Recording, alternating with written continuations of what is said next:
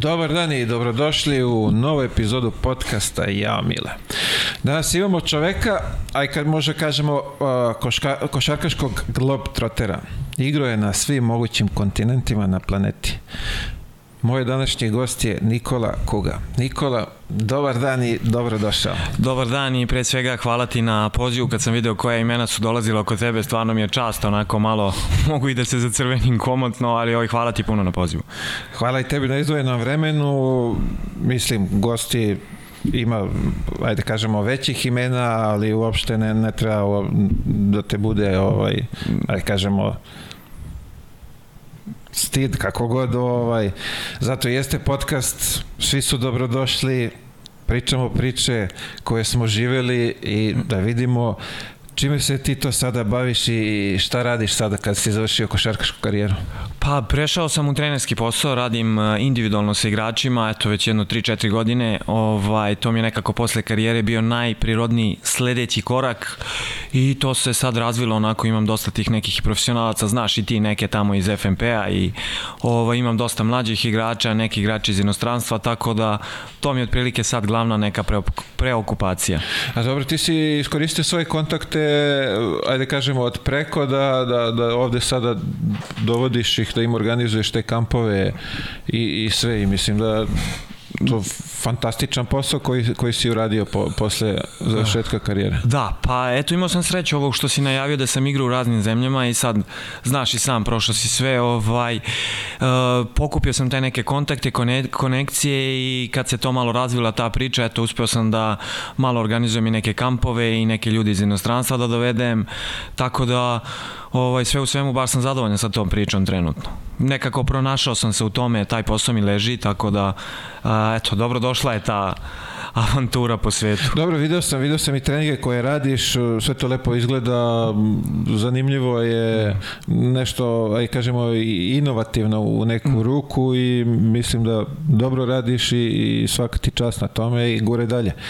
A, da se vratimo na početak, kako obično mi ovde radimo, na početak tvoje karijere, kako si ti uopšte zavoleo košarku? Da, prvo hvala ti na ovom komplimentu, pogotovo s tvoje strane, znači igrao si u NBA ligi, prošao si sve, a ovaj, sasvim spontano, znaš i sam moj put je bio onako turbulentan, a, živeo sam po cijeloj Jugoslaviji, onaj nesretni rat kad je došao, preselili smo se iz Hrvatske prvo u Crnu Goru i tu sam prvi put nekako ostvario kontakt s loptom i onda smo došli u Srbiju, gde sam eto, maltene ne računajući ova putovanja i, i, i, i živeo kasnije ceo svoj život i sad ovaj, i negde u Sopotu su počeli ti prvi koraci nakon toga jedan manji klub Kasta i onda sam došao u FMP ovaj, gde smo se negde i upoznali naravno ti si bio senior, ja sam igrao u tim mlađim kategorijama i onda je to sve tako krenulo. Pa eto na na prvu loptu sam zavolao košarku, što bi se reklo i dok ceo život. A, vidite, moramo napomenuti, pošto danas mnoge ove mlađe generacije kukaju kako je nešto neizvodljivo, treba napomenuti da si ti i Sopota putovao svaki dan u železnik na trening. Da, ovaj, pa živjeli smo, kažem ti, u Sopotu i to je jedno sat i po autobusom do Beograda i a, imali smo one jutarnje treninge i u, sećam se da je autobus bio u pola šest ujutru, ustajao sam u 10 do 5, da uhvatim onaj lasin autobus, očađaviš se sav dok dođeš do autokomande, onda uhvatiš onu pet, uh, 55-icu, mislim da je bio taj autobus, pravac hala železnik, onda tu malo i šutiram u 7 ujutru, nije bilo nikog, pa jedan, drugi, treći trening, pa nazad i tako ukrug godinu dana dok se nismo preselili nazad. Tako da, eto, nekako ta ljubav me držala i upornost, to je bilo Ovaj, Vidi, to je savršen primer uh, upornosti koja na kraju donosi neke rezultate, tako da savršen primjer i, i mladima Mm. ako nešto žele ovaj, da treba da budu uporni u, u nečem, pa makar i ustajali u 5 sati da, da dođu na pa. trening u koliko već kilometara daleko od kuće. Pa da, mislim mora se tako, ja tada nisam imao izbora, to je bilo jedini način da prosto se bavim košarkom, ako hoću profesionalno kasnije, taj železnik mi je mnogo pomogao da uopšte dođem u poziciju da kasnije igram profesionalno po tim zemljama, tako da... A reci mi na početku, maštu si neko imao, kao i, kao i svi mi klinci, koja je tvoja mašta bila? Pa ja sam, znaš, ono, 95. kad su cijela ona generacija Đorđević, Danilović i šta ja znam, ovaj, mašta je naravno bila da dođem do reprezentacije. Međutim, kasnije, kad sam već bio 16, 17, 15, ja sam shvatio da će to biti vrlo teško izvodljivo i onda posle tog železnika sam se, ne, to mi je bio ona prva ljubav i to, to me, što bi se reklo, driving force, nešto što me vuklo nadalje, ali ovaj, kad sam negde shvatio i prepoznao u tom železniku da ipak ja ne mogu da dotaknem taj neki nivo iz ovog ili onog razloga, kasnije sam i krenuo da treniram, ja nisam želeo da odustajem, nego sam negde hteo da pronađem svoj put u svemu tome i eto, ispostavilo se da je taj moj put kasnije bio putešestvije po, po svetu, igranje košarke po raznim zemljama. Ajde, vidi sad kad kažeš putešestvije po, po svetu, ljudi verovatno mali broj zna u kojim ti, tačno ni ja ne znam, da. pošto nemoguće otkriti gde si sve, gde si sve igrao. Ajde kažemo da. sad posle železnika, da krenemo od kontinenta, zadržat ćemo da. se na Evropi pa da vidimo gde si sve u Evropi pa ćemo onda da, da obiđemo ceo, ceo svet. Da, hoćeš da idem hronološki ili ćeš Kako da idem po Evropi? Kako god želiš, da. ali ajde da pa, ajde, idemo po kontinentima. Ajde, po kontinentima, eto, od Evrope. Prva, prva avantura je u stvari bila u Maroku košarkaška ona, uh, u, u, u Maroku u Africi, to je bilo, sa 19 sam otišao tamo i onda sam se vratio u Evropu. I igrao sam Švedska, Danska, sve te skandinavske zemlje, Island, Norveška, Nemačka, Estonija, uh, Portugal, uh, zaboravio sam sigurno neki par, tako da eto, to je otprilike bilo što se tiče Evrope, verovatno još neka sad si me uhvatio ovaj, na spavanju, od Azije je bilo dosta zemalja, od Indonezije, uh, Vjetnama, Tajlanda, uh, čak sam igrao i neki turnir na Maldivima, onda ovaj turnir u Dubaju, uh, Liban, gde si i ti bio kod ovog istog trenera Abaza, da ga spomenemo i da ga pozdravimo. Ovaj, nakon toga je došla Južna Amerika, odnosno tu negde između i tu sam bio u Kolumbiji i, i, i naravno Australija. Tu sam 2015. odigrao, ovaj, to je bio peti kontinent, tako da nisam bio na Antarktiku i Severnoj Americi. Čekaj, ajde sad ovamo. Uh, Evropa, da. uh, to je Švedska, rekao si gore. Kako, kako, kako si došao do gore? Kako, kako, si, kako si to lige? Šta da. je? Šta je? Pošto pa, verujem da pola gledalaca ne nema zna, predstavu. Da, da, pogotovo iz ovog sveta Tako je, nekog da. vrha košarke. A, pa dobro, Švedska je došla već nakon određenih, e, Švedska je došla kasnije, 2016. ili 15. ako se dobro sećam. Prije toga sam već imao neku, ajde da kažeš, neki CV igranja i u Australiji i, i, i u Libanu, ja mislim, pre toga, tako da već sam imao i te videomaterijale i sve. Pa što se tiče nivoa košarke, znaš, na kraju si odigrao u Libanu posle svih tvojih uspešnih godina igranja u Železniku i svuda, ovaj, uopšte nije naivno bilo gde igrati, jer kad, kad si stranac, svi od tebe očekuju mnogo, a svi trče, svi su, danas ulaze u teretanu, svi su atletski jaki, pa vidiš i po našoj reprezentaciji nije lako pobediti ni neke uh, kvazi žnje protivnike, pobedete kući, tako da ovaj, uh, nije uopšte lako. I ta liga je otprilike na nivou možda je malo jača od uh, KLS lige, naravno, no. nije ABA liga, nivo i to, ali uopšte nije naivno igrati tamo, tako da... Nekad kažeš da je jača od KLS, to je već pa onako, tu negde da... možda sad uh, domaći igrači su sigurno loši, ali imaju veće budžete nego ovi timovi ovde i Amerikanac se sigurno pre opredeli da ide tamo nego, nego što bi došao u, u, u Srbiju da igra, bez obzira na tu neku repre, reputaciju, reprezentacije i, i svega. Jasno, šta si rekao još, Island? Pa Island to je sve slično. Mislim, ako ćemo Skandinaviju da poredimo najjača liga je Finska, pa onda možda Švedska, pa Island, pa Danska, pa Norveška koja zaostaje tu. To je onako poluamaterska liga gde imaš igrače koji posle posla ovaj, dođu da eto malo istreniraju tri put sedmično, a ovo u Švedskoj već imaš bazu od 7, 8, 9 igrača koji, koji tu ovaj, stalno treniraju i plus dvojica, trojica koji tu, četvorica koji popunjavaju broj, tako da eto, to je otprilike neki nivo. A mislim, to je opet njima ono part time, nije, nisu nije, profesionalci. Nije, jesu profesionalci. Jesu. U Švedskoj jesu. U Švedskoj jesu.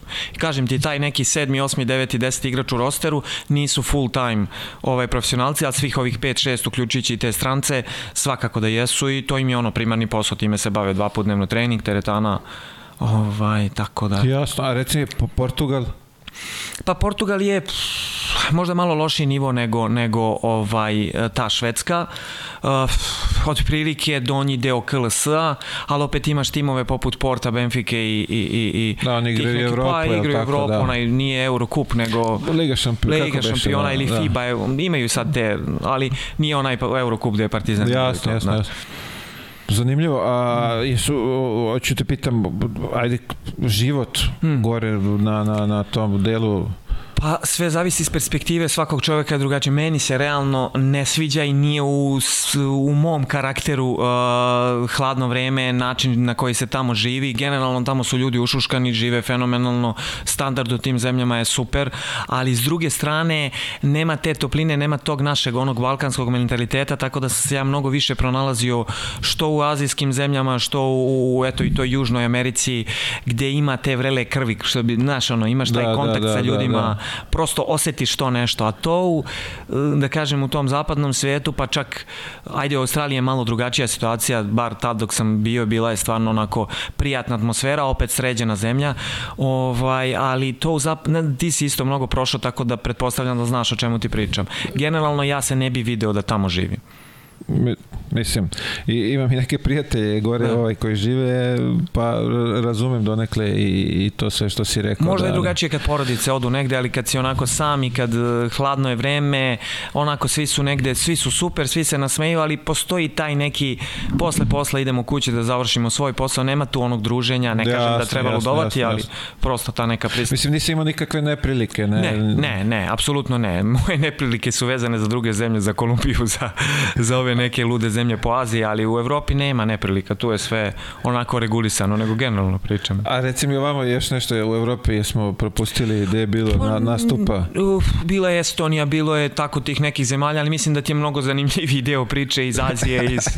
Stić, da. stićemo. Da. Daj, ajde, ajde dole idemo u Afriku, što, e. u ove toplije zemlje, da, de, de, e. de si dole, kako je to bilo? Da, gledaj, to je bilo specifično, ja sam tamo otišao sa 19 godina i bukvalno u, u, tad sam bio, izašao sam iz železnika i bio sam u dilemi šta dalje, kako dalje nastaviti život, karijeru, šta raditi. I odem u onu vizuru famoznu gde se igra 5 na 5, uh, ni ne znajući uopšte da ću tu neki skauti da budu iz Maroka, bio je petak, sećam se, i ja tu onako rasterećeno odigram, znaš ono izađeš iz železnika pun snage, pogodim trojke, zakucam, zakucam iza leđa, ovaj čovek taj što je bio skaut oduševio se, ja engleski reč ne znam, on ne zna reč engleskog. I on meni priđe i kaže you go Maroko, bukvalno na tom, na tom nivou engleskog. Ja ono u čudu, znaš, tražim klub. Ja rekao, okej, okay. kad, kaže on, ponedeljak i nađemo se u onom hotelu In i sećam se toga kao da je danas bilo i stvarno u ponedeljak ujutru uzmem vizu, u ponedeljak uveče sam ti ja bio u Kazablanci, 11 meseci se nisam kući vratio. Upadnem u Ramazan, znači prvih de, uh, ja. mesec dana, nema hrane, što je bilo za mene novo, ja sam se navikao i mislim da, da. i sve, ali ti kažem koliko je tu da, bilo da, novina da, za da, klinca da. zelenog, ono nema pojma sa životom.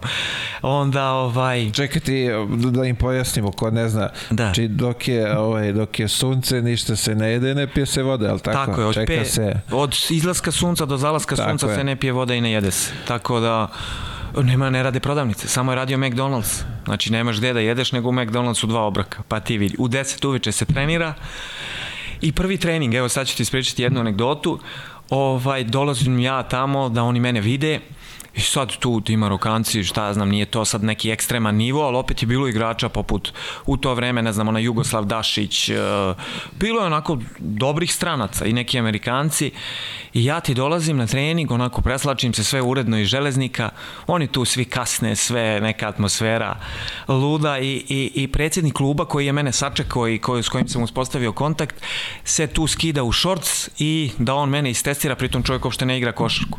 I mi pet na pet krećemo i on me čuva to ti je sad otprilike situacija, eto ne znam ko je predsjednik, kao da ti u FNP-u dođe Čović i, i, i, i čuva i e, Amerikanca nekog na treningu, mislim. Tako da sam stvarno bio ovaj, u e, tu, e, tu sam, e, mm. joj, slagat ćete, mislim da je Rumunija, da je Rumunija isto bila, da smo i pričali, uh, kako se zove taj klub, bili su prvaci sto puta tamo. Da, bukvalno dva predsednika i da... Aseo Soft, jel na njih misliš? Pravo, mislim da, da je ta priča. Da. I da su se i oni isto skidali da treniraju s njima, kao ajde da vidimo. Ova dvojica su stalno tu dolazili. Pap promaši ceo koš, kao bit će bolje sledeći put, bodri se, znaš. On čovjek nije uzeo loptu u ruke. Ja rekao, gde sam došao, bože moj, ali bilo je mnogo lijepih stvari. Znaš, ono, naučiš kultura. Ovo nije ni košarka, kažem ti, toliko loša, ali njihov odnos prema košarci iz onog vojničkog režima, ovog naše, generalno, nevezano za FMP, ti dođeš tamo, ono sve. Ali petak se zna, 50 ljudi dođe na trening i kako će proći sutra utakmica. Onda ih nema opet četiri dana, da ti trebaju za glavu, njih nema, u petak se pojavljuju, subotu utakmica, sve, ono, atmosfera i to ti se vrti u krug 10 meseci dok ne navikneš na njih. A čekaj, samo mi reci, e, igrači se ne pojavljuju na trening Pa igrači dođu s vremena na vreme, ponedeljak nema nikog, utorak se pojave dvojica, sredu već imaš tu 5-6, četvrtak ih imaš 8, možda dvojica ovih predsednika dođu da se skupimo na 5 na 5 i u petak dođe 30 igrača na trening, nema mesta u sali. I to ti otprilike bila priča tamo, prije podne individualni trening. A ti si obavezan, ti si obavezan ne, kao ja sam obavezan, dva da... puta dnevno dolazim u salu, šutiram 300-400 lopti, mislim se zašta ih šutiram. A čekaj, sam šutiraš ili ima neko sa tobom? Pa ima, ima ovaj jedan uh, momak iz Srbije što je bio, nas dvojica smo bili tamo stranci i onda smo nas dvojica odemo u salu on je onako, neću da mu spominjem ime, ali on onako nije mu se baš treniralo i kaže ajmo stoni tenis, ma nemoj rekao daj da osetimo koju da šutnemo, ma jok stoni tenis. I mi stoni tenis pre podne, dok ja vidim ne mogu da pogodim na utakmicu, džabe Maroko, ako pusti stoni tenis, vrati se ti na šut, ovo i tako da eto bilo je. Čekaj 11 meseci tako. 11 meseci, e, to je, ajde kaži prvi moj odlazak u inostranstvo gde sam ja 11 meseci bio tamo, smučiti se život na kraju, ne možeš, lepa je taka za Blanka, prošao sam ja taj Maroko uzduži popreko daleko, ali ono zadnji mesec dana sam brojio sate, minute da dođem kući. Ovaj, tako da... Čekaj, nivo lige? Uf, u to vreme Pa recimo kao, um, kao kod nas možda druga liga u to vreme, ajde kažem, to je otprilike bio neki e, nivo lige s tim da su stranci mnogo bolji. Stranci su na nivou KLS-a i onda ti kad uh, moraš da daš trije svaku utakmicu, a čuvaju te po dvojica njihovih ili neki dobar stranac, ja mislim da je to mnogo teže igrati.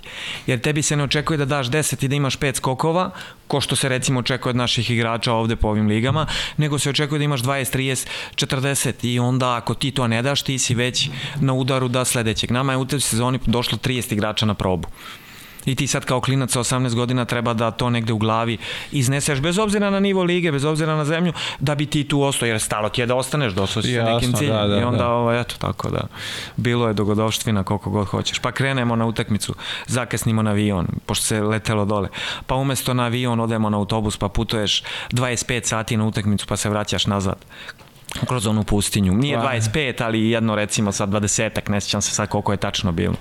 Ma mislim to je bilo onako specifično iskustvo, pogotovo za mene posle, znaš, nisam jednostavno tu kući u šuškam porodica. Dobro, to je bilo vatreno krštenje. Jeste, jeste. Pr prvo pa... Prvo pa muško.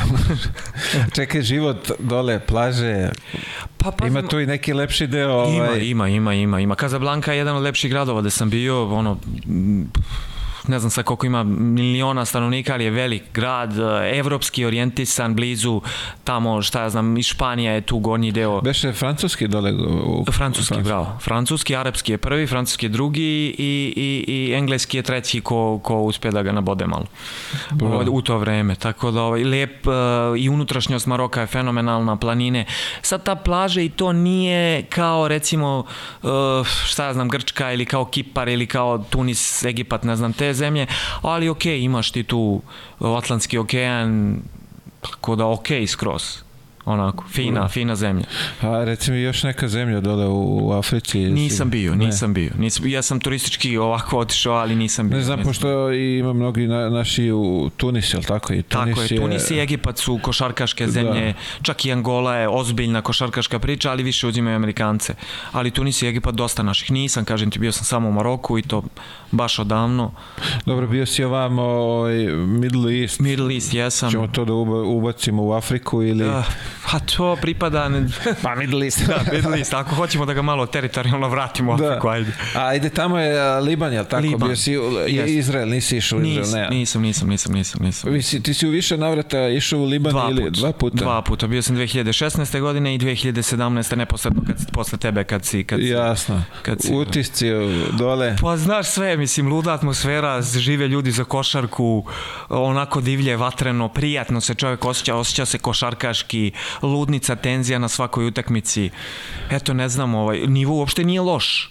Ne, ne, ozbiljna fizička i jaka košarka. Da. Jeste, mislim, ja sad ne znam šta ti misliš, evo sad ja tebi da postavim pitanje, kad bi recimo uzeo, ti si igrao u Mutahedu, ta, ta ekipa Mutaheda ili sa Al Riyadi recimo da igra protiv ovde KLS timova, ja mislim da su možda ne po dubini rostera, ali po prva petorka plus šesti, sedmi igrač. Mislim da da, da. Da, sigurno bi mislim bilo gusto. Ako ne, ne čak mislim i... da bi ne bi ovde parirao niko. Pa ne bi. Sa KLS ekipom mislim da ne Teško, bi. Teško zbog stranaca. Da, da, da. To znaš i sam koji su stranci bili. Tako je, da, da, oni dovode dole, dovode dole ozbiljna, ozbiljna pojačanja, ozbiljne igrače i to je, ja kad sam bio dole, oni su doveli, uh, slagaću sad ime, hmm. ne mogu da setim zapravo, doveli su čoveka, bukvalno za dve utakmice, hmm a, bio je onaj kao down payment, 50.000 su mu platili, on nije ni krenuo iz Amerike. Znači 50.000 su mu platili, on je došao, dali su mu na ruke još 50.000, odigrao dve, izgubili i vratio se vratio kući. Se kući. Pa finu imao avanturu on će Liban da pamti po lepom. Ova, jeste, bo, ne, oni da. su fanatici to, pogotovo ako ti imaš neki highlights tamo, mm. da si lupam zalepio Lebrona ili neko, kraj. ma to je, to je gotovo, kraj, to, kraj, prodato, kraj. prodato.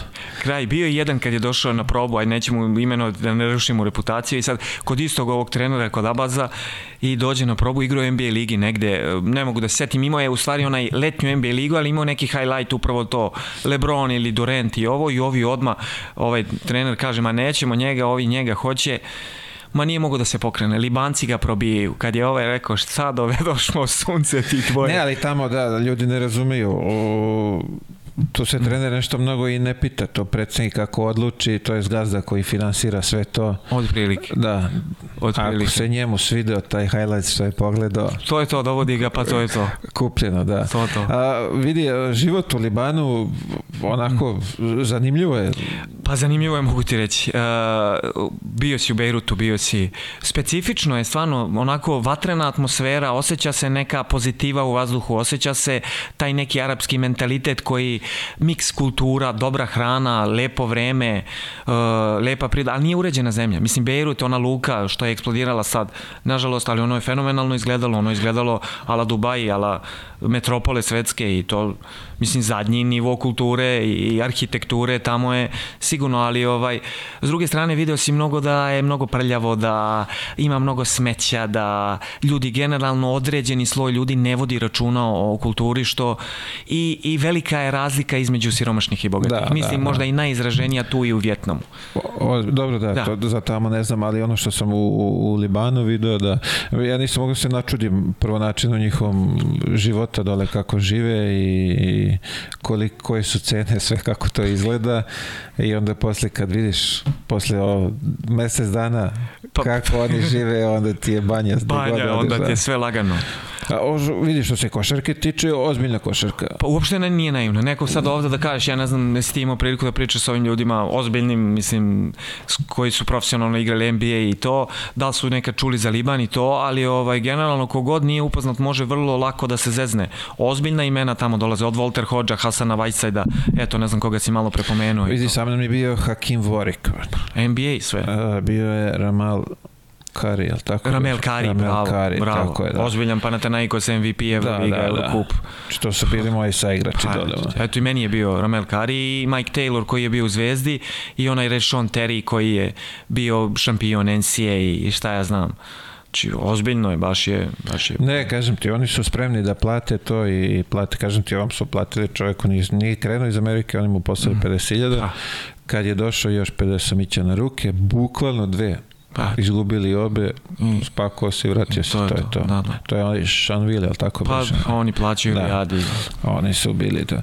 A, život kao život je, ono, pa, zanimljivo, lepo, Zanimljivo, ono, lepo, obala, obala kupanje. Da. Mi smo bili dole u onom Miramaru, ne znam jesi bio tamo. Tako je, da. da. Pa ujutru ustaneš, fino se okupaš, plaža, odeš na trening, vratiš se. Tu je sad drugi problem, da ako ti loše igraš i ako loše odigraš, otkaz ti je nad glavom stalno, tako, tako da, je, da nisi turistički tamo došao, ali pričam generalno, ako se neke stvari slegnu, imaš dobar moment da uživaš. Ne, u Arab, mislim opet, ljudi verovatno nisu upućeni u arapskom svetu, ako nemaš brojke, ali ništa ove brojke kod nas kao 12, 8 i to, nego tamo moraju budu brojke 20, 20, Tako. 30, 15 da bi ovaj da bi ostao, da bi te zadržali. Pa i sa 15 i na, u taksiju već za aerodrom.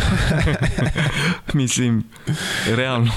Možda da, nakon druge utakmice 15. Ozbiljno, ozbiljno da. je ovaj, i tamo u arapski svet isto gde, sam ja bio, Bahrein i da, ovo da. sve. Znači to ako nemaš te brojke ti si... Kraj.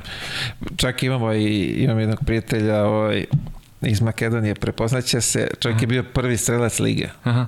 I oni ga ovaj, daju mu otkaz kao on daje 40. Uh -huh. I oni kao nije dobro. No, pa kao šta nije dobro, kao dajem 40, kao jeste, jeste, ste doveli ovaj skorera, pa kao jesmo, znaš, pa kao šta je problem, pa kao ne, ne hvataš dovoljno lopti. A, pa to, treba 25 skokova i 50 pojena, pa to. Pa. Ne, ne, to je, mislim, nisu realni, zgodno, nisu da, realni, ali opet, ok, dva stranca, Tako je. Specifična situacija. Uh, ćemo u Latinsku Ameriku? Ajmo. Da vidimo. Da idemo. Gde si dole bio, šta je? U Kolumbiji u I... Kolumbiji, pa ludnica od početka do kraja, ovaj, prvo niko ne priča engleski. Drugo, sama ta priča da odeš u Kolumbiju uh, bila je dosta zeznuta. Prvo, uh, teško sporazumevanje uopšte uh, s tim menadžerom da bi došao do ugovora, da bi dobio tu radnu vizu za tamo. Uh, i na kraju se sve svelo, svelo da mora da uradim u dva dana. Konverzacija je trajala jedno dva meseca i pregovori da ja odem tamo i na kraju se ispostavilo da u dva dana moram da odem. Uh, na to se sve nadovezalo da ne, ne možeš da dobiješ kolumbijsku vizu u Beogradu, već da možeš da ideš u Beč, pošto je predstavništvo za Srbiju u Beču. I ja sam ti recimo, ako sam trebao da letim u sredu, u ponedeljak moram da odletim do Beča, da uzmem tu vizu, da se vratim nazad i već u sredu da letim za Kolumbiju. Tako i bi, jedva dobijem vizu, zato što su oni kasnili s nekim papirima i pravac 27 sati, a, direktno glad Pabla Escobara, Medaljin i dolazim u 3 ujutru. I sad, uh, da ti ne pričam kako sam stigao, torbe prepakuj sat vremena između letova, ma jedva stignem, da sam tu zakasnio na let, treba hvatati ček, ček, ti si otišao u Beč po vizu. Tako je, otišao, malo sam preskočio. Kući. Otišao sam po Beč u vizu, uh, po Beč, u Beč po vizu ujutru, vratio sam se uveče imao sam utorak slobodno i onda sam u sredu leteo za Kolumbiju, 27 sati puta I onda sam u, sleteo u Kolumbiju recimo u 3 sata ujutru, u 11 po kolumbijskom vremenu smo imali trening i u 7 uveče smo imali utakmicu protiv šampiona kolumbijskog koji igra i onaj Copa Amerika pred 5-6 hiljada ljudi. To ti je bio mojih 3-4 dana kako mi se život odvije u to vreme, a pritom je menadžer koji me poslao tamo rekao da sam 2-5 i pozicija 4 na 5, jer nije mogo drugačije, što ja nisam znao. Ja. Ja ti dođem u hotel, ujutru u tri, kad sam sleteo, trener me za divnost čudo sačekao i gleda me ovako, mali neki. I spušta glavu, rekao šta me gleda, nisam toliko valjda visok, znaš da mu nije čudno. I klima glavom i sve ok. Ujutru me menadžer zove prije tog treninga u 10, ja naravno spavo 3 sata posle ne znam koliko leta. Ovaj, on mi kaže, Niko, big problem. Tako su me zvali.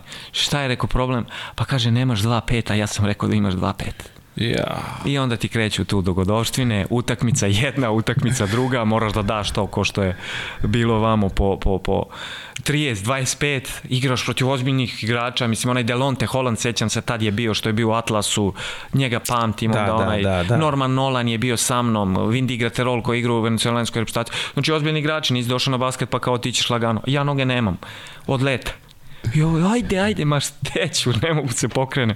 Prva utakmica jedva nekako prođe, u drugoj se otvore ovi moji šutevi, tu pogodim, pa malo zakrpim neke rupe. I ovaj, odatle isto, direktno, posle smo leteli na Karibe na neke dve utakmice, pošto ti je tamo uh, stil igranja ti je dva dana igraš, jedan dan pauze, dva dana igraš. I to su gostovanja. Znači u 5 dana imaš četiri utakmice i imaš četiri leta. Jer svaki let mora da ide preko Bogote. Nemaju letove da konektuju druge mhm, gradove. Mm -hmm. Tako da ti je uh, to sistem, imaš dva dana pauze pa igraš četiri utakmice kući u 5 dana. To je ozbiljan ritam. Treba da trčiš, treba raspadne se čovjek. Raspadne se u potpunosti. Tu nema treninga, prosto a, ne znam kako sam preživao, 15 kila sam smršao od, u ta 3-4 meseca pare ni na vidiku. Zezaš. da, da, da, kasne nema, znači Čekaj, je... si dobio neki dinar, ono da... Jesam na, na kraju, pa nešto sitno, skroz sitno na nešto na početku su nam svima dali, dok ovaj, prvo je taj iz Venecuele napustio nas, otišao je na, na, na recimo nakon mesec, mesec i po dana, spakovao se i otišao. I onda je ovaj Ko, Amerikan... ko, ko sam pustio? Stranac Aha, aha. iz Venecuele koji je bio stranac, jedan od nas tri uh, stranca Okej. u, u Kolumbiji. On je samo se pokupio i otišao, nema para i ostali smo nas dvojica, taj Norman Nolan iz Amerike i, i ja. I on je zvao američku ambasadu, objasnio o čemu se radi i on je tu dobio. Ja se borio nakon toga desetak, 15 dana. Pritom to sam zaboravio, da on im je, ne znam, slomio u hotelu nešto, da li je bacio frižider kroz prozor i ne znam, napravio je neki haos i onda su oni kad su odreagovali na to, ajde kao ovaj ludak, daj da ga platimo. I sad ja razmišljam šta ja da izbacim. da li peglu, da li frižider, da li ovo, da li ono, rekao neću, ubiću nekog. Ovaj, ajde na drugi način. Ja sam pokušavao jedan mail, drugi mail, uh, federacija, ma ne reaguju uopšte, manjana, manjana, to im je uvijek bilo Manjana. tu, čuveno sutra. I uvek sutra. Prođe mesec, prođe dva sutra. Mislim, potrošiš svoje neke pare, došli u Kolumbiju, iscrpljen si, više ti nije do života. I na kraju sam ja imao sreću da sam stvarno imao tu radnu dozvolu, odnosno pravu tu vizu koju treba da imam i onda sam kontaktirao ambasadu i onda sam tu nekako ispeglo situaciju, ovaj, ali bilo je onako napeto što bi se reklo. Wow. E. Da, uh, a čekaj, gde si ti na kraju, u kom gradu si bio? A ja sam bio u Kukuti. To je grad Kukuta Norte se zove, na samoj granici sa Venecuelom, 5 minuta bukvalno od granice sa Venecuelom. Ja sam u taj grad došao nakon 13 ili 14 dana putovanja ovaj, po Kolumbiji, ni ne znajući u koji grad idem. Ja sam prvo sleteo u Medaljin, misleći da je tu, odošmo na Karibe, misleći da je tu, reku super, tu ćemo sada se kupamo, nema ništa od Kariba i na kraju se vratimo u tu Kukutu Norte, totalno drugi deo, 5 sati leta od, i, od Kariba, dva sata od Bogote i onda smo tu se stacionirali, bili 7-8 dana i ajmo dalje. Vozi se nazad u Bogotu i tako sve u krug. Čekaj, ti si sleteo u Bogotu. Ja sam sleteo, pričaš o početnoj fazi iz Tako Beograda. je. Sleteo Beograd, Frankfurt, Bogota. Dobro. Iz Bogote lokalni let za Medaljin. Dobro. Dve utakmice u tri dana, odnosno u dva dana, pošto A vi došao, gostujete u Gostujemo u? Medaljinu. Ne, niste tako. nismo, domaći. Nismo domaći. Okej. Ja sam mislio da smo domaći, ali Aha. se da nismo. Iz Medaljina letimo na Karibe, gde se ja radujem što smo domaći i niko ne može da mi objasni, pošto niko ne zna engleski. U reko Karibi, sad će biti fino. Mi dva dana na Karibima, vraćaj se opet nazad za Bogotu i iz Bogote letimo u Kukutu, kaže dobro došli kući. A 15 dana prošlo u Kolumbiji. Ja. E, tako da, stavio stvari u stan, četiri utakmice odigrao, prošlo ovako, leti nazad za Bogotu, pa za neku Bukaramangu gde smo igrali opet utakmice i tako u krug. Ne znaš ni desi ni šta si. Čekaj, ko, ko komunicira s tobom ako niko ne zna engleski? Kako Pa Amerikanac i ja pričamo, ovi ostali pantomima i viču manjana.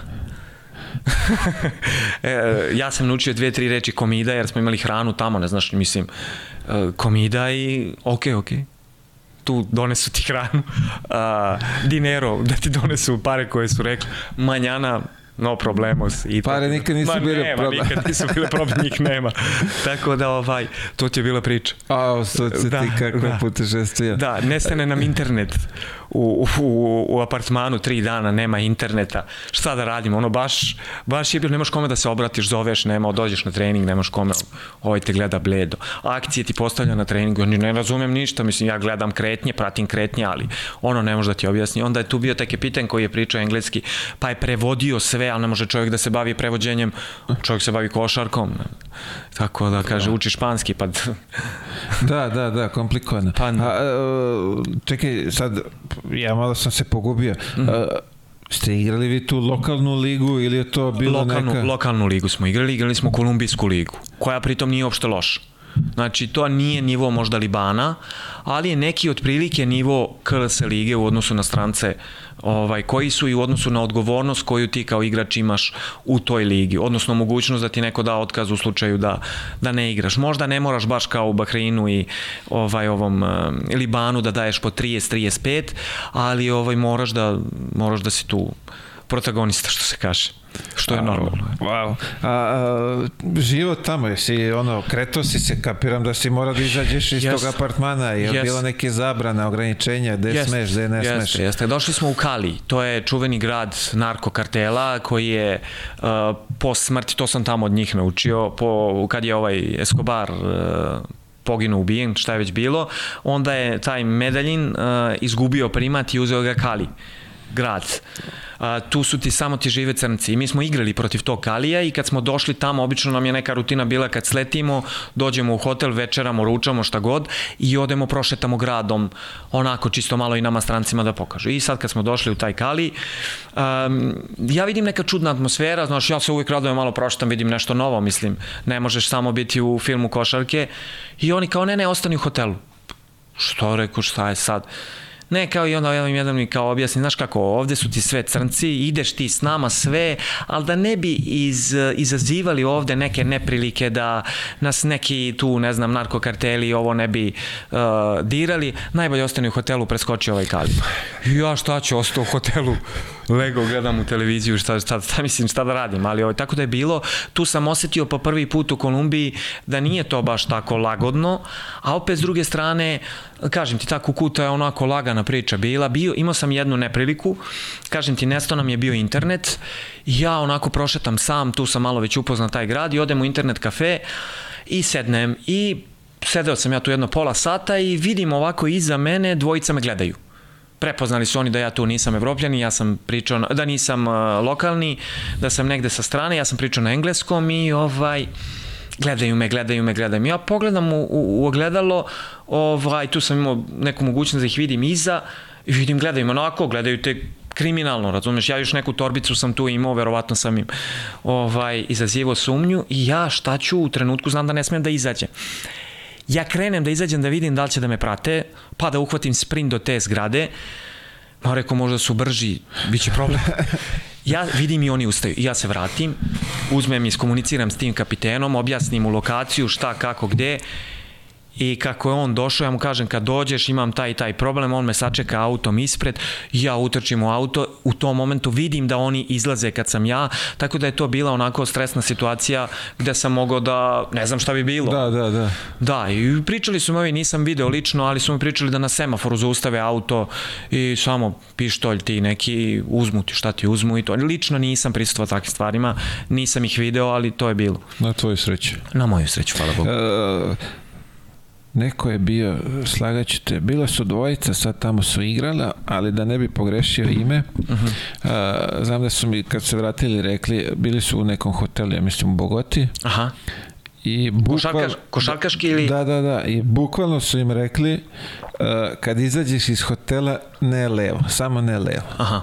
Znači tamo ne u taj deo, desno je slobodno kao tu možda mm. se krećeš, ali ne levo. Znači da je ovaj da je neka ne, za frkanci. Da, da, da. Pa nije baš ovaj... Nije baš, nije baš. Ja sam po njima osetio taj medalji, nisam imao priliku, kažem ti, imali smo samo te neke utakmice i odmah smo leteli vamo. Ta kukuta je lagana priča. E, Karibi, ono, priča za sebe, San Andres, neko ostrovo, ostrovski život, kokos, šešir, lagano ga žive, ali ovi ostali delovi mislim da nisu. Vidim sad i turistički promovišu tu Kolumbiju, verovatno i znaju gde se sme, gde se ne sme, ali u to vreme nije bilo. Nije bilo, ja sam 2011. bio. A ček, ista priča kako što nama prikazuju ovde narkose i to onek. Pa nisam ja to doživeo da bi ja mogao da ti kažem da jeste, ali da sam osetio da nije lagodno da se šetaš iz njihovog onog eh, govora tela, jes, Znaš, prepozna se prosto situacija. Pa atmosfera na utakmicama dolazi tu. Luda, luda dolazi. 5000 ljudi u jednoj sali, bilo je i, i, i sala sa 200-300 ljudi, ali znam da smo izgubili jednu utakmicu kući i da nismo izlazili iz sale jedno dva sata, pritom je futbalski tim, tamo je futbal daleko popularniji nego košarka, pre toga izgubio utakmicu i onda su oni došli u, u, u, u da gledaju našu utakmicu i ko zainati izgubimo. I ovaj kapitan koji je tu bio onako figura broj 1 i jača i od trenera i autoritetom i svime i košarkaškim znanjem za te uslove on nam je rekao zatvaramo se u slađionicu i čekamo. Mi smo dva sata čekali u slađionicu oni bacaju tamo neke petarde čuda. U nekom momentu je nešto eksplodiralo ovaj mislio da moj auto znaš da su mu digli u vazduh ali nije onako u vazduhu se osjeća, ali ne mogu da kažem da je nešto bilo konkretno, pa sad da neke priče kreiram da, da, da, da, da prosto, da, da. eto. Ali, Mislim, bilo je svakako neprijatno. Bilo je, bilo je da. neprijatno, bilo je neprijatno. Dosta puta je bilo neprijatno. I na utakmicama, gostovanju, gađaju te. Mi ajde, ti si prošao zvezda ovde i partizan, to ne može se poredi. Ali kad si stranac u Kolumbiji, ne bude ti prijatno, prosto. A ne da bude prijatno. Znaš, ovde si kući, odeš u stan, lagan si, ja, tamo si, ne znaš ni gde si, ni šta si.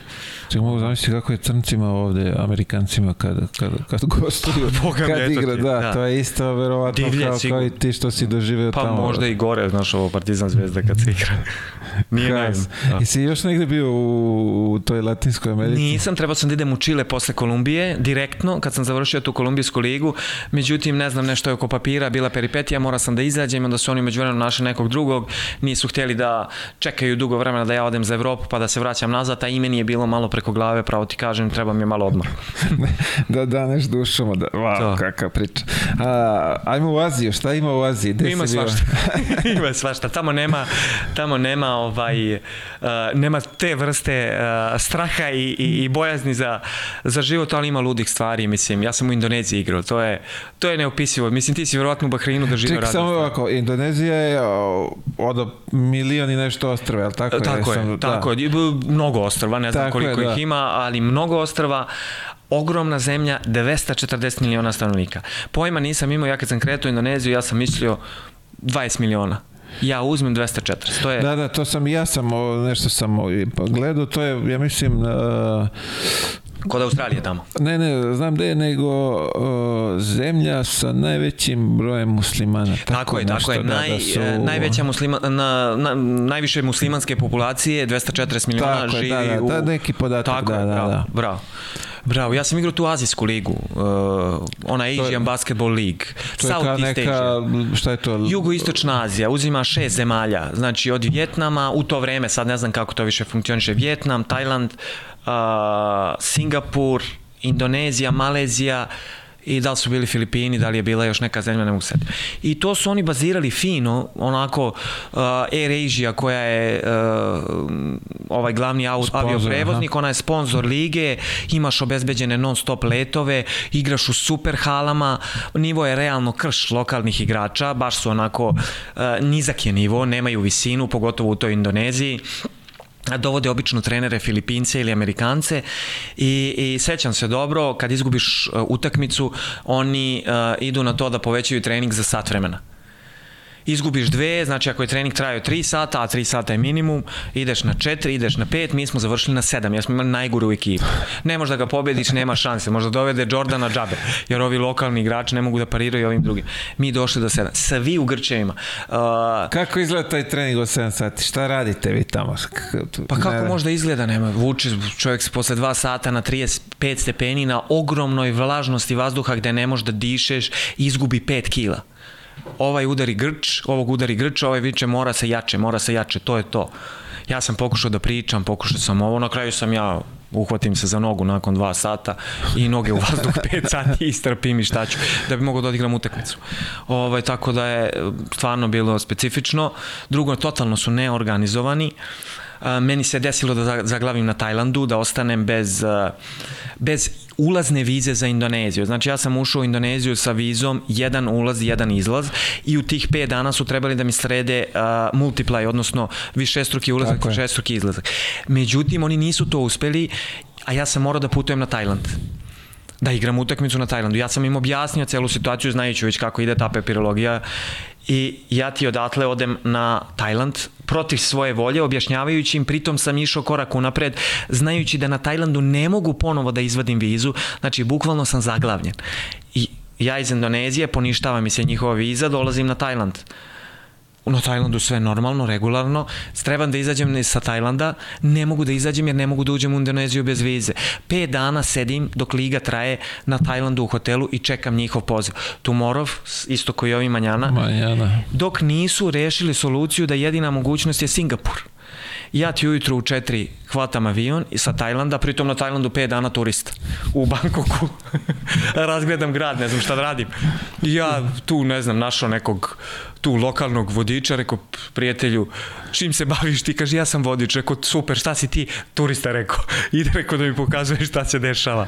I ja ti posle toga odem ovaj, u, ujutru kad su de, generalno, definitivno rekli da može u Singapuru, ja ti za Tajlanda letim ujutru u 4, stižem u Singapur u, u, u, u, u ne znam, 2, 3, 4 sata leta, u 8 ujutru. Sledeći problem, a, pričam ti sad papirologiju koliko su oni ovaj, totalno neorganizovani. Oni mi kupili jednu kartu samo. Ti kad uđeš u Singapur moraš da imaš izlaznu kartu i regularno to te ljudi puste. Ovi me pitaju gde ti je karta, gde ćeš, ja ljudima objašnjavam, dovozim sebe, nisam se u životu dovodio u takve situacije. Jedva da me puste u Singapur. Jedva ti ja nekako uđem u Singapur, odem do, do te indonezijske ambasade, kažu oni meni sutra, a ovi umeđu vremenu mi šalju za večernji let kartu za Džakartu. Ja, ja rekao, nema šanse ja ušao u ambasadu preko reda, rekao nema šanse, ljudi vi meni ili dajte vizu ili mi kupujte nazad kartu za Beograd.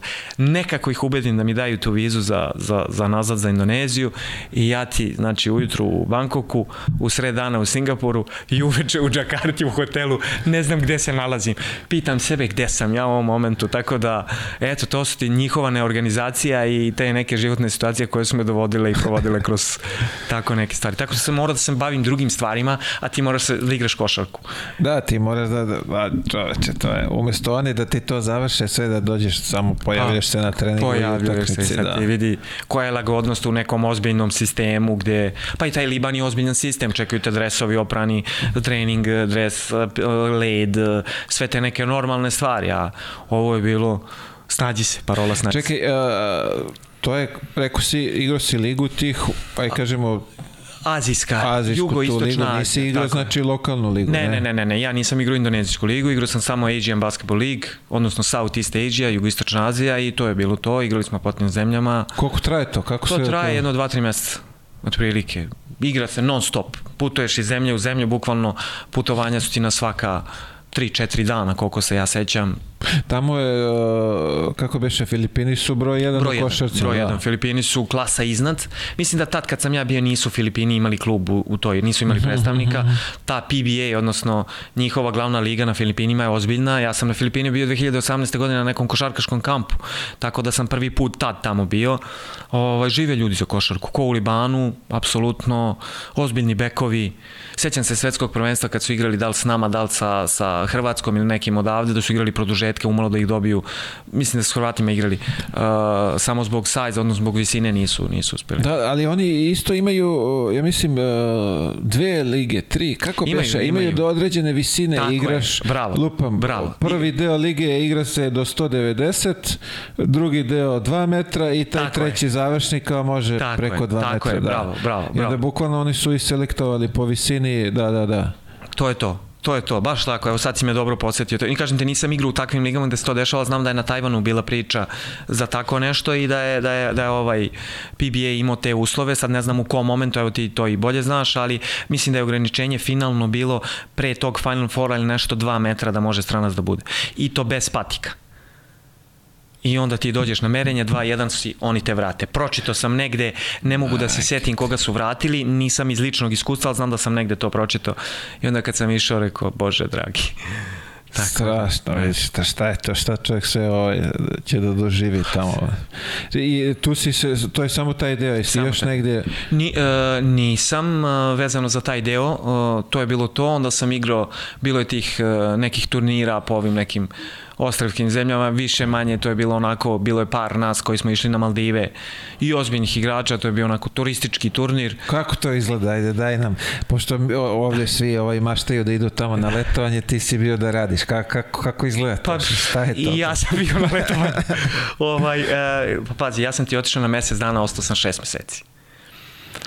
A, e, to mi je možda i najveća greška i najveće iskustvo, a s druge strane najluđa avantura koju sam napravio. Ja sam u, tri puta bio na Maldivima. Prve godine, a, ti, a, prvo ajde da pojasnim gledalcima koji ne znaju, da ne odem previše ubrzano. Uh, ja sam za taj turnir saznao 2011. godine i 2011. godine sam otišao na taj njihov lokalni turnir. Kvalitet lige je takav da ja kad sam bio uh, 12 igrača koji igraju, tri mogu da pogode levi ulaz. Znači, devet će ga promašiti. Ja sam to posle testirao kad sam pokušavao s njim. 9, 1 na 0. Bez pomoći. Kad je pomoć, ovaj jedan što slučajno može da ga da, daće svaki treći. Znači, levi ulaz ne postoji. Desna strana, tu i tamo. Tako da znaš kvalitet lige, najviši igrač centar je 190, mašta o NBA ligi. E, tako da, to ti je, to ti je kvalitet lige. A, Maldivi ko Maldivi, mislim, fenomenalna. Opet ljudi razgraničavaju, jedno je resort, jedno je ovaj, e, jedno su lokalna ostrava. To su dve različite priče. Ja sam bio na lokalnim ostravima, kasnije igrom slučaja sam ovaj, završio i, i na resortima i imao sam mogućnost to da vidim. Ja sam otišao na taj prvi turnir, kad sam video šta me snašlo, ovaj, mislim nisam imao ideju kakva je košarka i otišao sam s idejom da odigram. Čekaj, izvidi samo, e, Jesu to igra u halama ili se igra na otvorenom? Jedna hala na lokalnom ostrvu. Mesec dana košarka, mesec dana rukomet, mesec dana. Kad dobiješ termin u sali da treniraš, slavi se. Slavi se, wow. znači vrlo teško je dobiti termin u sali da se trenira, kad dobiju svi slave, to je grupna poruka bila na neka, bila onaj čat grupni, uh, i svima poruka, pehari se dižu, evo ga, kaže trening je u sali, mi ulazimo u salu, jedan koš, taj mi je odgovarao, znaš kako, jedan koš 2,95. Meni ruka na 2,95 nameštena, ne mogu da promašim. Ja prvo polovreme dam 30, u drugom padnem, dam 2 i dobro.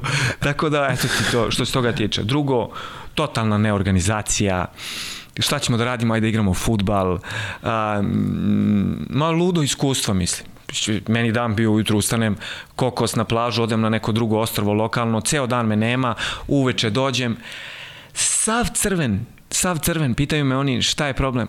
Rekao, san. ovaj, rekao, ne mogu da treniram.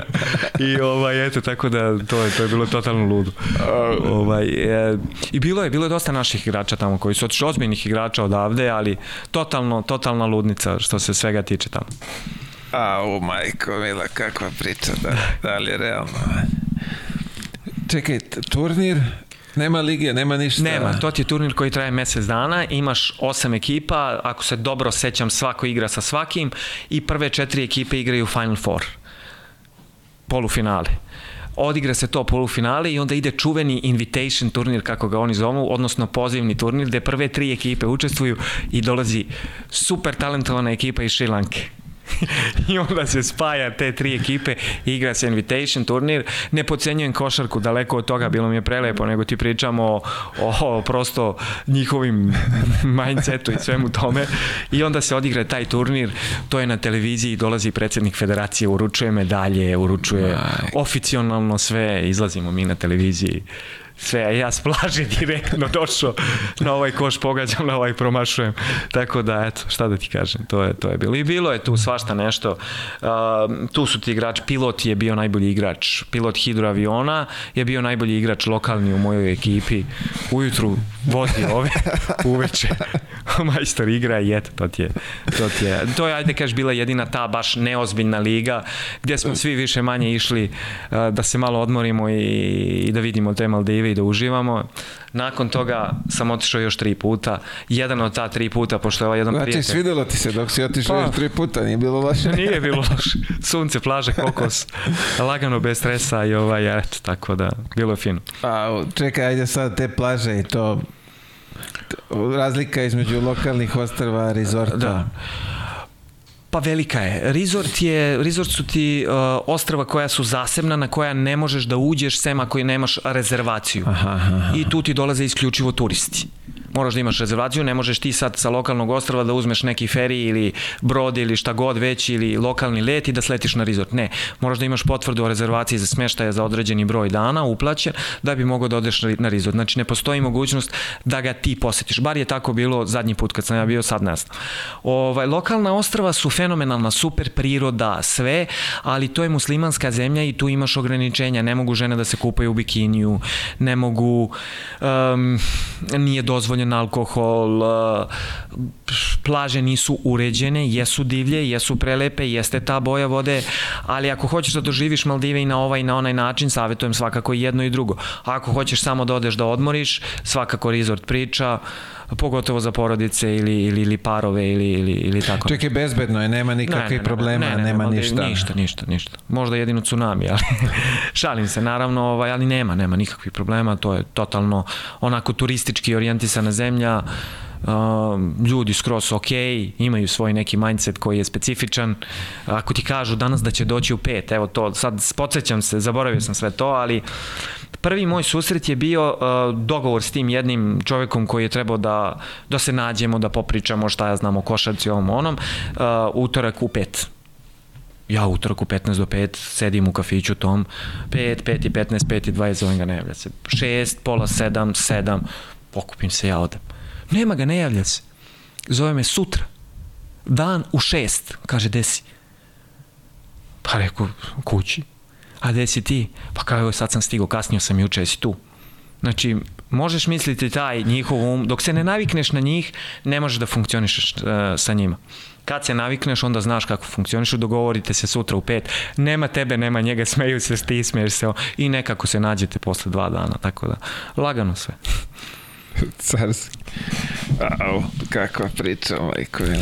Nije ti specifična, ovo je drugi neki vid... Uh... Ne, ali vidi, to sve da. treba doživeti, to je, to, da. je to, toliko, da.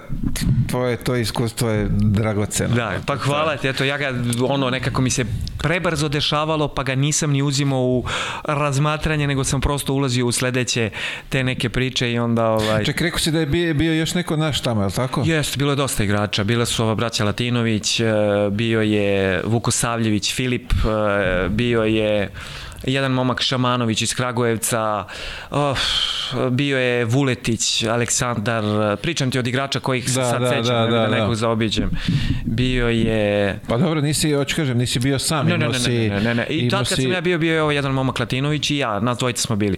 Drugi put kad sam bio, bio je njegov brat, bio je ovaj Vukosavljević. Treći put kad sam bio, bio je opet neko od, od naših, ne mogu da setim, u ekipi sam ja bio sam, jer je jedan plus jedan stranac, što se svodi da je samo jedan. Ne mogu dva na terenu da igraju nego jedan i uvek su po jednog na jednog tu nekog Šrilanka, Nigerijac, neki koji mi je ovaj lagan što se tiče i prevoza i svega, odnosno letova i blizu tu. Carski. Tako da eto, to ti je maldivska priča. A, a je, idemo i na Australiju i tamo si bio. Jesam, da, da, to mi je nekako bio san. Uh, iskreno, uh, da kompletiram tu neku svoju priču. To se desilo 2015. godine, Australija me možda bio i najveći san i da odem i da odigram i, i, i, i jednostavno da, eto, da kažem, igrao sam tu gde sam hteo i gde sam želeo i 2011. sam ja stupio u kontakt sa čovekom za koga se kasnije ispostavilo da je najjači lik, kako tako mogu da se izrazim, u australijskoj košarci. Lindsey Gaze. Znači ušao je kasnije u kuću slavnih, on je njegov sin je igrao u San Antoniju, ovaj uh, Lindsey Gaze koji sad ima 85 godina, on je čovek uh, na sedam olimpijskih igara bio što kao trener Australije, što kao a, igrač svoje vremeno i pričam ti kako sam otišao u Australiju. A, 2011. godine do 2015. ja sam s njim u kontinuitetu razmenjivo e-mailove, ne znajući ko je čovek, znajući da radi u košarci, a ne pitajući ga puno, nego mu pošaljem svoj highlight, sve, sa željom da odem tamo. 2015. stiže mi mail, završio sam ti klub, ideš u Australiju. Tako i bi. Dobijem vizu, spakujem se, odem u Australiju. Uh, nebitno, sad krenuli su trenizi, sve, nakon 5 dana kad sam se tamo malo ovaj, aklimatizovao, odem ja, u, on mi kaže dođi u Melbourne Sports Aquatic Center. Ulazim ti ja tamo, U to vreme australijska reprezentacija na pripremama za 2015. šta god da je bilo, možda je bila neka utakmica s Novim Zelandom, ne mogu da setim svetsko. Ja sad vidim tu prolaze Joe Ingles, Patty Mills, uh, ne znam da li je bio Bogut, sva ova neka imena ozbiljna i ovaj, svi ga pozdravljaju, znaš, ono, dolaze, pozdravljaju ga gospodine, kako ste, vidim ja, ozbiljna faca. Na kraju ja izgooglam ime, vidim ja s kim ja imam. On sve njih stavi po strani, pozdravi se, dođi sedi i krene meni da priča o jugoslovenskoj košarci, o, od Raše Radovanovića do Makedonije kad je bio tamo, pa do toga kad su trebali naši da idu 90. pa bile sankcije. Ispriča on mene sramota, ja ne znam imena, on meni pričao Novo selo, ja klimam glavom, sve znam kao dobro došao šta god ti treba. Ja ono ne mogu da verujem, upoznaje me s ovim igračima iz australijske reprezentacije ljudi od pre, u, kao naš ovo je Nikola Kuga došao je tu ja se ga probaju haj normalno naš ljudi znaš sami kakvi su ti ljudi koji su ono uspešni nemaju nemaju taj ego trip sem nekih i ovaj ništa. Prođe neko vreme, ja vidim u šta sam upao, on me preporučuje. U Australiji me svi respektuju u tom klubu, preporuka od Linzija stigla. Mogu da promašim, mogu da pogodim, to je taj, sve ide kako treba. Ja rekao, šta je ovo? I nakon ja njemu isto tako razmenjujemo mailnove, ne viđamo se često i ja njemu u toj prethodnoj konverzaciji kažem da sam, uh, pričam ti anegdotu, da sam igrao tenis ovaj, i da volim tenis. Stiže meni mail, a pritom slabo sam igrao tad baš. Stiže meni mail kao ajde dođi sutra u onaj Australijan Open tereni da odigramo, falio mu neko za dubl, on čovek 80 godina i sad da igramo mi dubl guverner ili vicepremijer, kasnije saznan kad sam odigrao taj dubl, uh, Viktorije države, nije popularno. Sad zbog Đokovića nije taj bio, ali ovaj u to vreme sve bilo okej. Okay. Uh, Lindsay taj i još neki lik. Igramo ti mi dublove ja bud, mislim budala rekao da znam da igram tenis, ja ne mogu da spojim backhand i forehand u to vreme. Udarim ja, neka pređe. Ali oni svi prebacuju to sad kao da najveći neki indijanac dođe u železnik na trening i ti ga sad staviš u to vreme. Ne znam, Savanović, ti, Aškrabić i dođe neki mislim Dibidus, katastrofa situacija. Tako sam se ja osjećao na tenisu. Samo da se završi. I ja sad iz želje da nešto uradim, opalim jednu lopticu iz bekenda. On čovjek slabije vidi, ima na oče. Njemu je to ovoliko prozujilo pored glave. Zamisli da sam ga pogodio.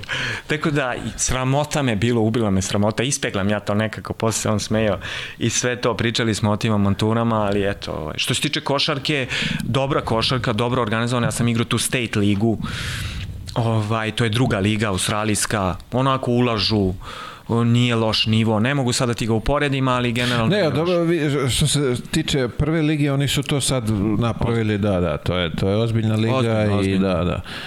Mislim, za, za...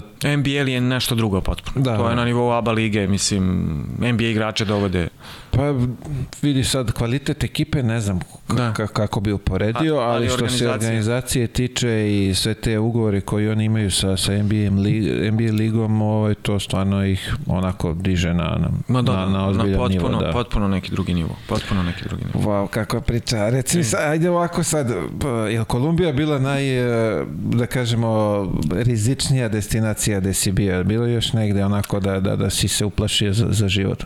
Pa Kolumbija. Kolumbija je bila naj, naj, definitivno naj, naj, naj, najrizičnija, definitivno, bez dileme. Da, nije... Pa nije prijetno, znaš, kad se ne osjećaš ti fino, kad znaš da možda može nešto da se desi, nije to to. Ovaj, generalno, ali ovaj, eto, to, to. Mada prošlo je to sve. Čekaj, bio si u dole Šarža, to je isto, nastupo si za njih. Što turnir sam samo igrao.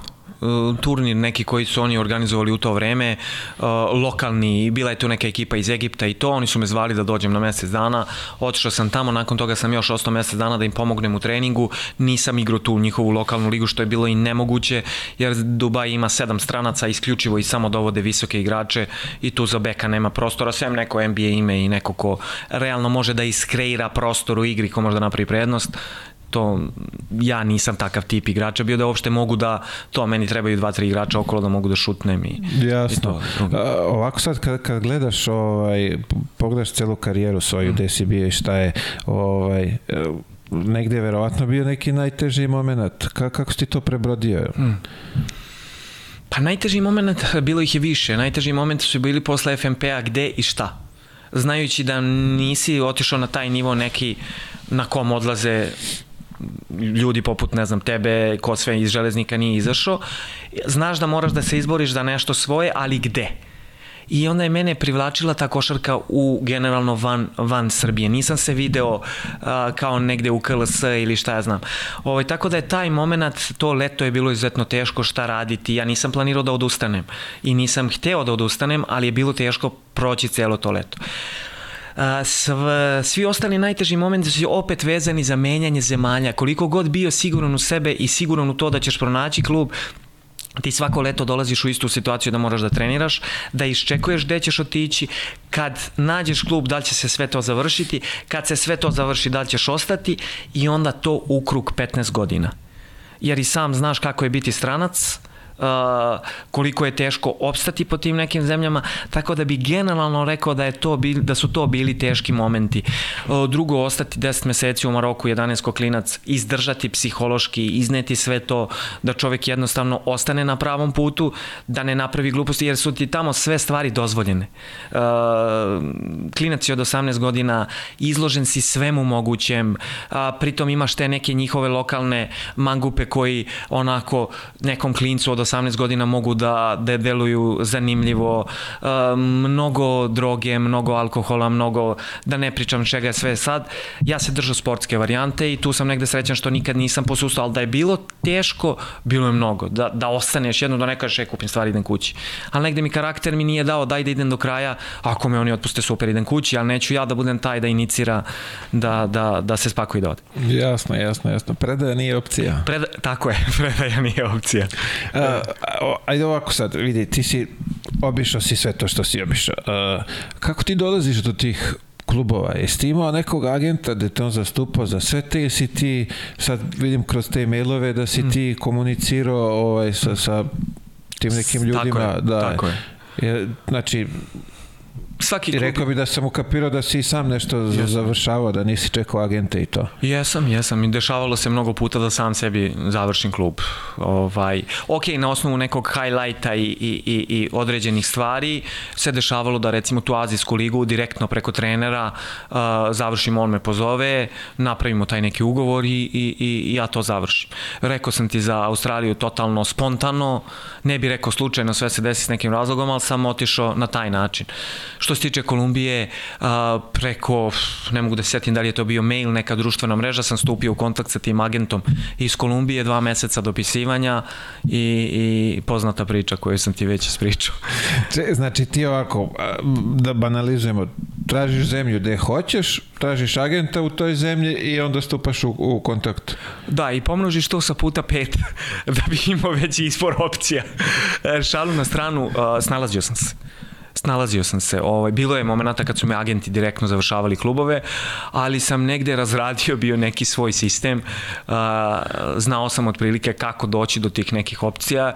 Držao sam se svog tog nekog principa, jedna strana agenti, jedna strana ja, jedna strana stare konekcije i sa više strana sam nekako uspeo da uklopim tu priču.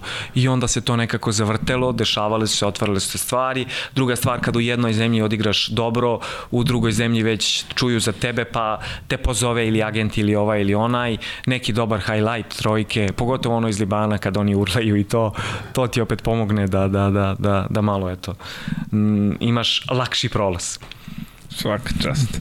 Svaka čast. Vidi, sad bio si u, u ajde kažemo, neorganizovanim ligama, neorganizovanim klubovima. Uh, si uspeo da izvučeš novac od svih tih Nije bilo negde, pošto znam mnogo da, naših kolega da, koji vrate da. se kući, ne može naplati, ajde, da, pa, pa će da tuži, pa će vamo tamo. Da, da, da. Mislim, mnogo je teško, pogotovo u tim uh, ligama gde si ti bio da, da se to naplati. Ka, kako to iz tvog ugla? Pazi, to nije preveliki novac, ali je ovaj u svakom slučaju nekako sam uspevao u većini slučajeva da dođem do toga. Kolumbija, pričao sam ti, način na koji sam uspevao da to ovaj, izregulišem. Dobro, Australija i sve ove evropske zemlje su jasno regulisane, ali jesam u suštini u većini zemalja, dešavalo se par puta da ti ostanu kratki, ali nisam imao velikih problema problema tokom da izvučem jesam, ali da na kraju ovaj kad se to završi nije bilo tih nekih ovaj problema što se tiče te Svaka čast. Uh, svaka čast. Uh, reci mi, sad kad gledaš celu svoju karijeru, gde si bio i šta si bio, je bi ima nešto što bi izdvojio, da kažeš, zbog toga mi je ono, drago što sam igrao, se bavio košarkom? Pa, drago mi je jer sam ispunio svoj san. Kako god to nekom sa strane izgledalo, ja kad sebe zapitam, ja sam ispunio svoj san, jer kad sam izašao iz železnika, moj cilj je bio uh, da ja igram košarku i u što više zemalja i da proputujem svet, da upoznam različite lige, da, da pokušam da u tim ligama ostanem i da ostvarim neko svoje ime. Australija mi je bila ispunjenje jednog sna jer mi je to bio cilj. Vol, želja mi je, kažem ti, bila generalna da uspem da što više, ovaj, u što više zemalja odigram a, tu košarku i da steknem neko iskustvo, da sarađujem sa dosta tih različitih trenera da bi kasnije mogao i ja možda sam i negdje naslučivo da pokupim neke stvari od svakog i da znam kako se igrač otprilike osjeća, da ne idem na u smislu, e, ovo je knjiga, danas ćeš uraditi takav trening, nego da idem na osjećaj da tog igrača doživim kao čoveka, da ja mogu da prepoznam tu situaciju, jer je to mnogo bitno, bar po meni, pretpostavljam da i ti tako misliš, da ti osetiš igrača. Tako da cela ta priča je negde meni bila u glavi da ja pokupim sve te stvari, da vidim šta je ispravno, šta nije ispravno, pa da iskreiram neku svoju priču kako bi ja u nekoj budućnosti mogao da, da napravim neku svoju priču i pomognem u krajnjem slučaju nekom da lakše mentalno, a kasnije i košarkaški prođe kroz, kroz sve te situacije. Jer nije samo uh, baciti igrača da istrči 50 kamikaza i kazniti ga, nego znati njegov osjećaj, biti iskren prema njemu, otvoren, bar ja to znam iz svog slučaja da mi je mnogo lakše bilo tako da igram. Kad ti neko da slobodu i kaže ti ok, a ne kaže ti je moraš da daš 50, ako ne daš ideš sutra kući. Pa znam ja to, mislim, nismo mi ludi. mislim, Pogotovo u tim zemljama pa, gde, gde, si bio i ti ja, to, ovaj, pa, ako, ako nema ti brojki... Mm Ve, već su našli oni drugi highlights Ma, koji daje. Stiže let. Iza kuca. Imaš da, let da, za da, Beograd. Da, highlightovi se gledaju uveliko. Tako je. Uh, ovako sad, sad si upravo spomenuo, spo, spomenuo pomoć mlađima, savjetovanje. Šta bi ti sad kroz svoju i svog iskustva. -huh. posavetovao mlade? Koji, ajde kažemo, ti si primer za, za, za, za taj da ne kažem nivo lige uh mhm. -huh. koji neće napraviti NBA ili Euroligu to je mnogo teže po meni gledajući biti u tom delu ovaj nivoa košarkaškog da, da, da se ovaj izboriš i u svemu šta bi ti njima sad da. mogo da posavetuješ Uf, da budu realni to je prva i osnovna stvar da budeš realan, uh, jer mislim da mi je to negde pomoglo u tom, uh, u tom momentu kad sam izlazio iz FMP-a da sebe ne vidim kroz tebe Savanovića, Aškrabića, Teodosića, jer ja to prosto nisam, nego da sebe vidim onakvim kakav jesam i da kroz takvog sebe probam negde sebi da pronađem šansu. Jer šta se dešava? Ti kad maštaš da možeš nešto što realno ne možeš, ti ulaziš u dubiozu. Prvo se razočaraš, na kraju si ti drugi kriv. Nikad ti niko drugi nije kriv, kriv si sam. To je po meni osnovna stvar. Drugo, drugo je vreme, ono što ja sad vidim je da manjka a, želje mladim igračima prosto nemaju tu upornost, nemaju tu želju, moraš da ih teraš. Ja znam i ti, pretpostavljam tamo, e, nekako drugačije bilo. Imao si malo vrednije, malo manje vrednije igrače, ali se ta košarka volela. Sad se više mašta košarka, više se košarka igra na video igricama na telefonu i gledaju se highlightovi iz NBA-a nego što se oznoji ovaj, na, na treningu. E, to je, mislim, glavni problem i ako neko stvarno misli da igra košarku na bilo kom nivou, da li je to profesionalni, da li je to uh, malo manji neki nivo profesionalni, on mora da bude realan i mora da bude da se preda toj košarci, da bude posvećen tom poslu. A ako to nema, garantovan je neuspeh. Ako to ima, ima šansu da negde nešto napravi od svog života i da mu se u tom košarkaškom smislu. Tako da mislim da, eto, to je neki moj generalan savet, da se bude realan i uporan. Vidi, ti si odličan primer ovaj, da, da upornost se isplati i da odustajanje nije opcija. Prošao si to što si prošao, napravio si karijeru kako si napravio, svaka ti čast. Evo ja ti sad je, i ovim putem isto čestitam na tome to što si ti uradio je za, za, za svaku pohvalu. Jer treba izdržati izdržati to, ali nije lako uopšte. Da, hvala ti puno, puno ti hvala, stvarno, mislim, tvoje mišljenje mi znači neko si ko je pro, mnogo toga prošao i kompetentan si apsolutno i mnogo kompetentniji od mene za košarkaški taj ozbiljan svet, tako da um, stvarno ti hvala mnogo na tome, drago mi je da tako misliš. Uh, vedar duh me nosio kroz to, nema previše razmišljanja, kad sednem u avion idem, pa šta bude, nisam bio, nisam oklevao, nego sam išao i to je to i prihvatio sam to što sam, to sam. I vozio sam tu svoju priču i to je to. to Fantastično. Da. A, ima nešto da smo preskočili da, da bi ispričao. Kapiram da ima da. sigurno, pa, mnogo toga smo ovaj, da. si zaboravio, možda, možda se nešto umeđu vremenu ovaj, prisetio. Pa nemam pojma, eto da, ajde da, da, da, da ne, ono, nema potrebe sad tu ja sebe nešto da hvalim, ali taj šut mi je možda bio najjača strana i da nije bilo tog šuta ne bi igrao profesionalnu košarku. Tako da, eto, ovaj, tu sam uspeo da vežem 178 bacanja. To je možda nešto što, što eto, onako je specifično, da nismo eto pomenuli, ne pričam ti sada ja kao vezo sam 178 bacanja, ozbiljan šuter, on će da stavi 10 trojki u ozbiljnom nivou i to. Nije, ali eto tako, to su neke stvari koje su me možda, to sam možda imao na onom najvišem nivou, da kažeš taj šut, eto, to je neka stvar od ovih ostalih zemalja i sve, pa prošli smo kroz sve, prošli smo kroz anegdote, prošli smo kroz priče, uvek ima stvari koje možeš da ovaj, se setiš naknadno, ali ovaj, generalno top sve, baš mi je bilo drago i prijatno da pričam s tobom. Carska priča, hvala ti, da. hvala ti mnogo što, pre svega što si izvojio vreme, s obzirom da imaš ovaj, da kažemo, libance tu, da, da, da, da, ovaj, da ih vodiš, treniraš. Hvala ti mnogo, hvala na divnoj priči, želim ti svu sreću u daljem radu, da se to razvije ovaj, pa jedan dan da napriši neku akademiju ovde pa, da, to, da to, to, da malo pomožemo da to, da to bude igraču. ozbiljna priča, da. Hvala ti, hvala ti pre svega na pozivu, stvarno ono, kad si me zvao juče, samo sam pogledao vreme i rekao sam, nema šta, dolazim, samo da vidimo, eto sad, da uklopimo, ovaj, to je to, našli smo se odmah u jedan, na keca smo završili, što se kaže. Fantastično, da. fantastično, hvala. Eto.